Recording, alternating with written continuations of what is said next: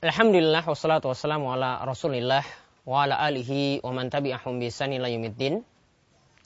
Para pemirsa sekalian, setiap tahunnya kita akan menjumpai satu waktu yaitu pada bulan Zulhijjah.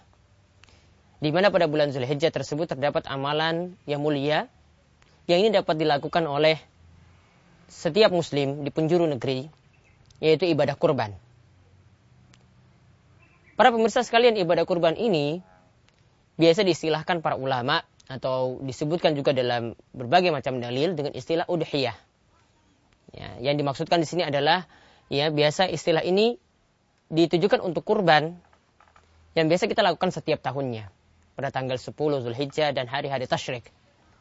Nah, yang namanya kurban itu yang dimaksudkan adalah hewan yang disembelih dalam rangka takarrub mendekatkan diri kepada Allah pada tanggal 10 Zulhijjah atau hari nahar. Dan ditambah dengan hari-hari tasyrik. Nah, di sini kita lihat bagaimanakah ibadah kurban itu sendiri di mata Allah Subhanahu wa taala, di sisi Allah Subhanahu wa taala. Ibadah kurban itu punya kedudukan yang mulia. Ada keutamaan-keutamaan besar di dalamnya. Di antaranya ini adalah bentuk sedekah dari seorang muslim. Di mana jika dia lakukan pada hari nahar, hari Idul Adha, maka itu lebih berharga daripada sedekah yang senilai.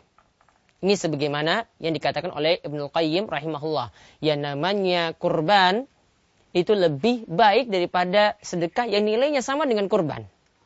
Yang sedekah yang nilainya sama dengan kurban. Jadi ini adalah suatu bentuk sedekah juga, namun lebih berharga. Karena ini disembeli itu adalah hewan dan ini diniatkan ikhlas untuk mengharap ridho Allah Subhanahu wa taala. Dan yang namanya ibadah kurban, hikmah utamanya adalah untuk mencapai takwa. Untuk mencapai keikhlasan.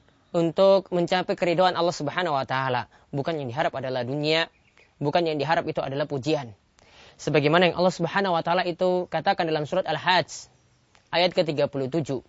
Allah berfirman, La yanallaha luhumuha, wala dima'uha, walaki yanaluhu taqwa minkum. Yang diharap dari daging dan dari darah hasil sembelian hewan kurban itu adalah yang diharapkan adalah ridho Allah Subhanahu wa taala. Ya, yang lebih dipentingkan itu adalah bukan daging dan darahnya. Bukanlah daging dan darahnya, namun yang diharapkan adalah ridho Allah yaitu untuk menggapai ketakwaan. Inilah yang disebutkan dalam surat tersebut. Jadi ketika kita berkorban, dikatakan oleh Syekh Asadi yang diharap itu adalah bukan pujian. Bukan maksudnya adalah untuk ria. Namun maksudnya adalah untuk ikhlas. Bukan kita berlomba-lombaan bahwasanya dari kurban inilah dia yang memiliki harta yang terbaik. Atau ketika berkurban saling berlomba ya untuk melihat bahwasanya untuk menunjukkan bahwasanya inilah hewan kurban yang terbaik bukan begitu pula dalam berkurban itu bukanlah yang diharap itu adalah sesuatu rutinitas. Jadi yang dia bukan lakukan adalah suatu rutinitas, rutinitas. Namun yang dia lakukan di sini adalah suatu bentuk ibadah dan tujuan akhirnya adalah untuk menggapai ridho Allah Subhanahu wa taala. Jadi takwa itulah yang dia cari, bukan daging dan darahnya yang dia cari. Jadi inilah yang menunjukkan bagaimanakah hikmah terbesar dari kurban itu sendiri. Di samping itu, ya para ulama itu mengatakan bahwasanya kurban itu dilakukan dalam rangka bersyukur kepada Allah Subhanahu wa taala atas nikmat hidup.